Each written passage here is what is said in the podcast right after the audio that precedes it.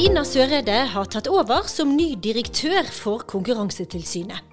Professoren har bl.a. forsket på korrupsjon. Hvordan ser hun på tilsynets saker og prioriteringer fremover? Du hører på Konkurransepodden fra Konkurransetilsynet. Jeg heter Siri Løken og jobber i tilsynets kommunikasjonsstab. I denne episoden får du også høre hvilke råd tidligere konkurransedirektør Lars Sørgaard vil gi sin etterfølger. Hvordan bør tilsynet jobbe for å avdekke og hindre at norske bedrifter bryter konkurranseloven? Tina Søreide er altså Norges nye konkurransedirektør. Og du er på plass fra i dag, 1.2. Gratulerer med jobben og velkommen til Konkurransepodden, Tina. Tusen takk. Jeg er veldig glad for å være her. Mange kjenner jo deg som professor ved Norges handelshøyskole, der du inntil nylig har undervist og forsket. Og du har jo også uttalt deg mye til både norske og utenlandske medier, bl.a. om den delen av arbeidet ditt som går på korrupsjon. Hva mer kan du si om deg selv og bakgrunnen din? Vel, jeg runder 49 like før jeg starta. Jeg er gift og har tre voksne barn. Og så kommer jeg fra jobb som professor på NHH, Institutt for regnskap, revisjon og rettsvitenskap. Og der har jeg koordinert eh, forskning og undervisning på ulovligheter i en markedskontekst. Både når det gjelder hva foretak gjør galt, og individer. Ja, rett og slett eh, hvordan bedrifter etterlever og overholder lover og regler, bl.a. Eh, konkurranseregler?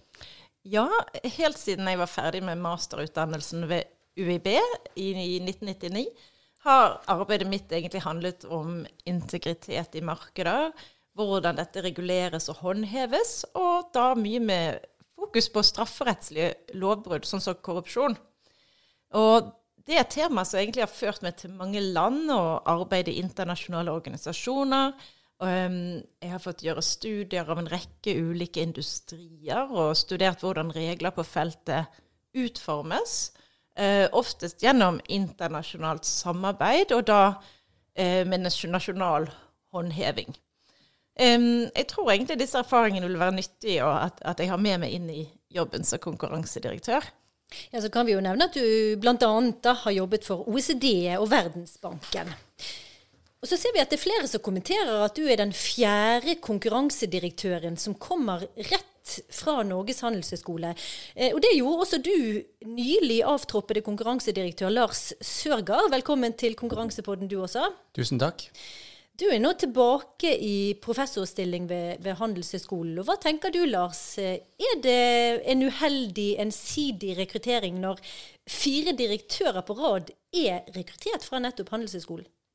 Hvis du ser på de fire, så er det ganske forskjellig faglig bakgrunn på de, de fire personene. da. Men det er en fellesnevner som er interessant her. Det er at eh, fire økonomer. Og hvis du ser på konkurransepolitikken i Norge, så er ikke det tilfeldig. For det, den er, har veldig stort innslag av økonomi i eh, konkurranseregelverket. Selvfølgelig må vi ha jurister. Eh, det er jo en lov vi snakker om. Men økonomen er viktig, for det står i formålsparagrafen at det vi skal sørge for, er det at det er virksom konkurranse som fører til effektiv bruk av samfunnets ressurser. Og Det høres ut som i en lærebok i økonomi. Så økonomer er viktig. Og det, det spennende med konkurransesyn er at økonomer og jurister jobber veldig godt sammen i team, og det fungerer veldig bra. Så det teamarbeidet der er særlig viktig, og jeg tipper Tina vil sette pris på det når hun kommer i tilsynet. Ja, Tina, det er jo som Lars sier, da, et tett samarbeid mellom økonomer og jurister i tilsynet. Og Du har jo jobbet da, som du har sagt nå, i, i skjæringsfeltet mellom juss og økonomi. Og, og, da er vel dette samspillet mellom jurister og økonomer noe du eh, vil like? Ja, absolutt. Og jeg er imponert over det jeg hører om godt samspill mellom jurister og økonomer i tilsynet. Og jeg er sikker på at det er avgjørende for at tilsynet fungerer så effektivt som det gjør. Um, I praksis så vil det være nye utfordringer i håndhevingen hele tiden, og jussen gir ikke tilstrekkelige svar. Vi trenger økonomiske analyser for å ta riktige avgjørelser. Um, og det er også riktig at jeg har jobbet med juss og økonomi, og, og, som forsker så har jeg publisert fagartikler i begge disipliner. Um, men doktorgraden min er i økonomi, og, så har jeg da studert en del juss uh, både uh, i frem til, i bacheloren min, og så hadde jeg postdoktorstilling ved juridisk fakultet i tre år, frem til 2015. Eh, denne kombinasjonen gjør at jeg trives godt med studier innenfor det som på engelsk heter law and economics, og særlig det som handler om markeder og myndighetsutøvelse. Ja, Du har jo jobbet mye med dette som handler om eh, straff og sanksjoner. og Hvordan tenker du rundt det rent praktisk? Altså F.eks. når det gjelder ileggelse av gebyrer for selskaper som bryter konkurranseloven? Ja, altså De siste årene har arbeidet mitt handlet mye om å, å forstå hvordan foretak bør og kan holdes ansvarlig for lovbrudd. Og Fra et økonomisk perspektiv er det opplagt at bøter må ha et nivå som faktisk påvirker aktørenes insentiver. Og Da må de altså ha et, en avskrekkende effekt. Og dette er jo i samfunnets interesse. Ikke bare for forbrukerne, men også for alle de næringslivsaktørene som opptrer innenfor relevante regler og konkurrerer på rettferdig vis. Eh, konsekvensene av konkurranserettslige lovbrudd bør være så betydelige at andre aktører forstår at slike ulovligheter ikke lønner seg. Når det gjelder store bedrifter, betyr det at også gebyrene må være store. Men det er viktig å huske at insentivbasert håndheving det innebærer jo også at foretak som selvrapporterer lovbrudd, de oppdager i egen bedrift, må kunne være trygg på at de slipper eh, sånne store sanksjoner. Um, men her har jeg inntrykk av at, at tilsynet allerede er på rett vei og er opptatt av at gebyrer og håndheving skal skje i samsvar med det som er økonomisk forskning. Du har jo også forskerbakgrunn, Lars, og kanskje også uh, ut fra den bakgrunnen synspunkter på dette. Men samtidig så har du uh, de siste seks årene vært øverste ansvarlig for gebyrer til en rekke bedrifter. Noen av ganske så betydelig størrelse. Vi kan nevne Telenor-saken, eh, saken mot Verisher og Sektor, og, og varselet fra desember 2020 om gebyrer til de tre største dagligvarekjedene for ulovlig samarbeid. Eh, og vi må understreke at den saken da eh, altså ikke er endelig. Men ligger vi på riktig nivå i Norge hva gjelder gebyrenes størrelse? Jeg, føler, jeg føler at Tina på det, mye av det hun sa om, eh, om, prinsippene for gebyr. Det som har vært utfordringen i Norge, er at det har vært historisk sett lave gebyrer. Og det har faktisk vært i mange land. De har hatt ganske lave gebyrer for overtredelse av konkurransereglene. Men det som skjedde en del år tilbake, var at vi innførte en, eh, en regel som gjaldt dette prinsipper for uh, å uh, utmåle såkalt gebyr. Den har hjulpet oss veldig. Den har vært i en bunnplanke for å få til en endring i praksis, i den forstand at vi nå har løftet gebyrnivået ganske betydelig. Du, nevnte Telenor bl.a. Der det, de fikk et gebyr på 788 millioner kroner. De måtte betale rett før jul. Verisure fikk et gebyr på 766 millioner kroner for ulovlig samarbeid. Eh, de betalte det rett før nyttår. Så det har skjedd noe, og vi er på riktig vei. Men samtidig så er det jo slik at uh, det er potensial for forbedringer. Jeg er enig med Dine at det er ting som kan gjøres her for å få det enda bedre, selv om det gjelder de verste kartellene. Ja, hva mener du bør gjøres? For det første så er det viktig å avskrekke eh, selskaper fra i hele tatt danne kartell. Det må ikke være lønnsomt. Og eh, for å få det til, så må du gjøre noe mer enn bare ha gebyrer fra Konkurransetilsynet og konkurransemyndighetene. Hvis vi får mer private søksmål, eh, så betyr det at eh, de verste kartellene vil merke det. Fordi private søksmål innebærer at du skal betale til kundene i henhold til hvor mye du har overpriset. Så hvis du har vært et virkelig ille kartell som har priset mye, så blir det et høyt betaling til kundene, høy erstatning til kunder. Nå er det eh, mulig å få til ved at vi har såkalt skadeerstatningsdirektiv innført i Norge, hvis vi gjør det. Den er i EU. Hvis vi gjør det samme i Norge og gjør en del andre grep for å få det til å funke i norsk eh, rettssystem, så vil dette eh, hjelpe veldig på si, avskrekkingen. Ja, Vi har jo et eksempel fra Norge der Alarmkundeforeningen varsler gruppesøksmål på vegne av flere hundre tusen alarmkunder mot Verisher og Sektor. Og dette er jo på bakgrunn av tilsynets sak og gebyret på til sammen over 1,2 milliarder kroner for ulovlig samarbeid eh, mellom disse selskapene. Men dersom vi også i Norge hadde hatt et sånt skadeerstatningsdirektiv som det EU-landene har, tror du at vi ville sett flere sånne private søksmål i Norge? Absolutt. Jeg tror det er en viktig brikke, en av flere, da, til å få eh, flere private søksmål. Og dette er en god illustrasjon av nettopp eh, et system vi bør ha. Så akkurat dette er noe vi bør ønske velkommen. Men mer erstatningssøksmål vil jo ikke akkurat gjøre det fristende å melde fra om et eksisterende prissamarbeid gjennom tilsynets amnestiordning. For det kan jo bety at de må betale da nettopp erstatning til kundene. Det er helt riktig. Dette her, Hvis vi nå lykkes med mer private søksmål, så kan det underminere hele amnestiordningen. Dermed så blir det færre som melder fra, færre som slutter med kartellvirksomhet. Løsningen på dette kan være å gi amnesti ikke bare for gebyret, men også for erstatningsutbetalingen. Eh, på den måten blir det mye mer attraktivt å legge alt kort på bordet. Hvis du da kombinerer det med såkalt solidarisk ansvar for de andre kartellmedlemmene, så vil det òg gjøre det enda mer attraktivt å melde fra. For Da betyr det at de som sitter igjen, ikke har meldt fra, de får en enda større regning enn ellers ville fått. For de må betale gebyr pluss erstatning, og erstatning òg for den som meldte fra. Så Dermed så blir det en stor regning for de, enda mer attraktivt å være førstemann til møllen som melder fra. Tenker du om dette, Tina? Jo, altså dette er helt i samsvar med det som jeg sa i sted om insentivbaserte sanksjoner og håndheving. Um, og som Lars sa først, så er det vanskelig å sikre at gebyrene er høye nok. Men i prinsippet så kan jo håndhevingsmyndigheter alltid tilby gulrøtter. Um, og altså redusere konsekvensene for de som selvrapporterer. Enten det gjelder gebyrer eller i form av erstatning. Um, og det vil normalt gi mer effektiv håndhevning. Så, sånn sett så kan man kombinere høye gebyrer med en uh, predikerbar lempning. Men jeg syns det er viktig å understreke at um, insentivene til selvrapportering avhenger av en viss uavhengig oppdagelsesrisiko.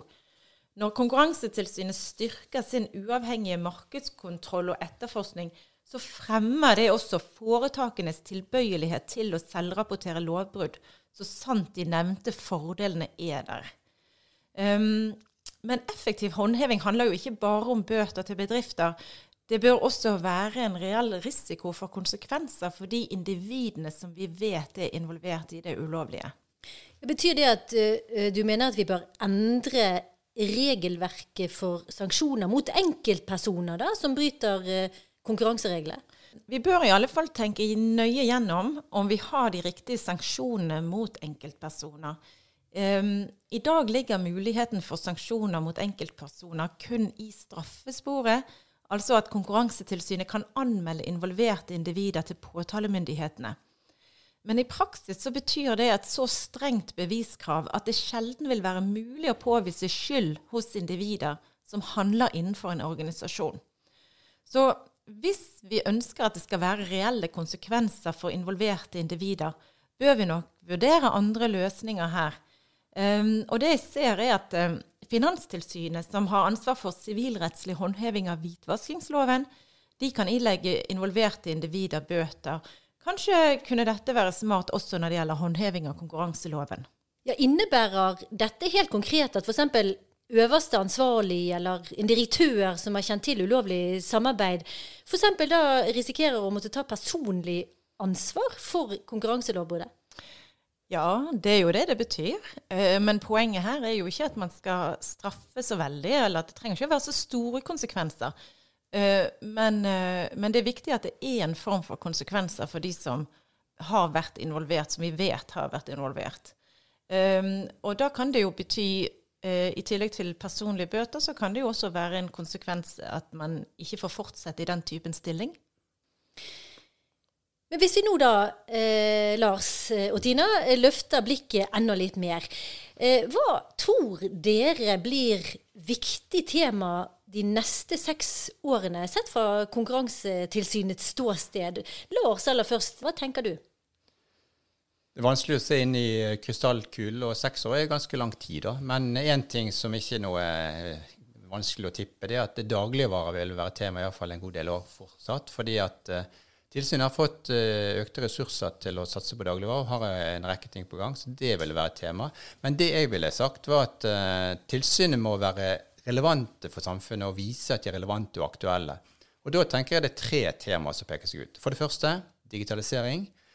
Både internt eh, når det gjelder prosesser, digitale prosesser, men òg å forstå markeder og digitale plattformer. Det blir utrolig viktig. For det andre eh, bærekraft, som da er veldig viktig mange, på mange områder. Det med bærekraft og hvordan konkurranse påvirker bærekraft, bør òg være et viktig tema. Og Det er ikke nødvendigvis slik at eh, konkurransereglene skal endres som følge av dette, men kanskje konkurranse nettopp er bra for å få frem eh, nye eh, bærekraftige løsninger. Så det å vise at bærekraft og konkurranse går hånd i hånd, er viktig. Og For det tredje så er det viktig å tenke gjennom det som har skjedd de siste 30 årene i bl.a. ikke minst USA. Altså dette med likhet. Altså at noen rammes hardere enn andre. Eh, når eh, makten blir konsentrert, så ser du at noen som blir veldig rike. Det er jo noe vi bør tenke på innenfor konkurransepolitikken, tenker jeg. Mm. Og så ser vi jo nå også, eh, bl.a. her i Norge, sant, at mange markeder preges av store omveltninger. Og det er ikke bare pandemien som skaper rystelser, men også f.eks. prisene i kraftmarkedet nå har økt eh, dramatisk. Hvordan tenker du tilsynet bør forholde seg til denne typen endringer i sitt arbeid? Det er viktig å huske på at eh, konkurranse er ikke en målsetting, det er et virkemiddel for å fremme effektiv ressursbruk. Så da må vi tenke gjennom når konkurranse er et bra virkemiddel. Nå ble vi utfordret. at eh, eksempel, Du nevnte kraftmarkedet, de, de vil ha pristak f.eks. Vi ble utfordret på å tenke mer igjennom hvor går grensen mellom regulering og konkurranse. Den debatten tror jeg blir mye mer eh, tydelig og tilspisset fremover. Så det tilsynet må da være på banen og si ja, når konkurranse faktisk er bra som et virkemiddel, og samtidig si når det er behov for eh, regulering. Det blir tema som blir mye større fremover enn det var de siste seks årene. Nå har jo du bare så vidt eh, begynt i jobben, Tina, men har du kommentarer til det Lars peker på her? Det jeg kan si er at jeg syns de temaene Lars peker på er høyaktuelle for Konkurransetilsynet, så her er vi helt på linje. Um, og så er det jo sånn at jeg kommer inn med en rekke tanker om veien videre, da. Uh, utover det vi har snakket om sanksjoner og sånne ting. Um, så nå ser jeg veldig frem til å diskutere de med ledergruppen og øvrige ansatte i tilsynet. Og det som jeg kan si allerede nå, det er at det blir en rekke temaer jeg har lyst til å snakke om her i denne konkurransepodden. Så, det, så vi kommer tilbake til det. Takk til deg, eh, Tina Søreide. Du tok altså over som konkurransedirektør i dag, 1.2. Vi gleder oss til å høre mer fra deg i Konkurransepodden fremover. Takk også til deg, Lars Sørgaard, og lykke til med din nye tilværelse som NHH-professor. Nå gjenstår bare å tipse om at det er flere nyheter å få fra Konkurransetilsynet på våre nettsider. Der kan du også melde deg på vårt nyhetsvarsel. Og følg oss også gjerne på sosiale medier. Vi er på Facebook, LinkedIn og Twitter.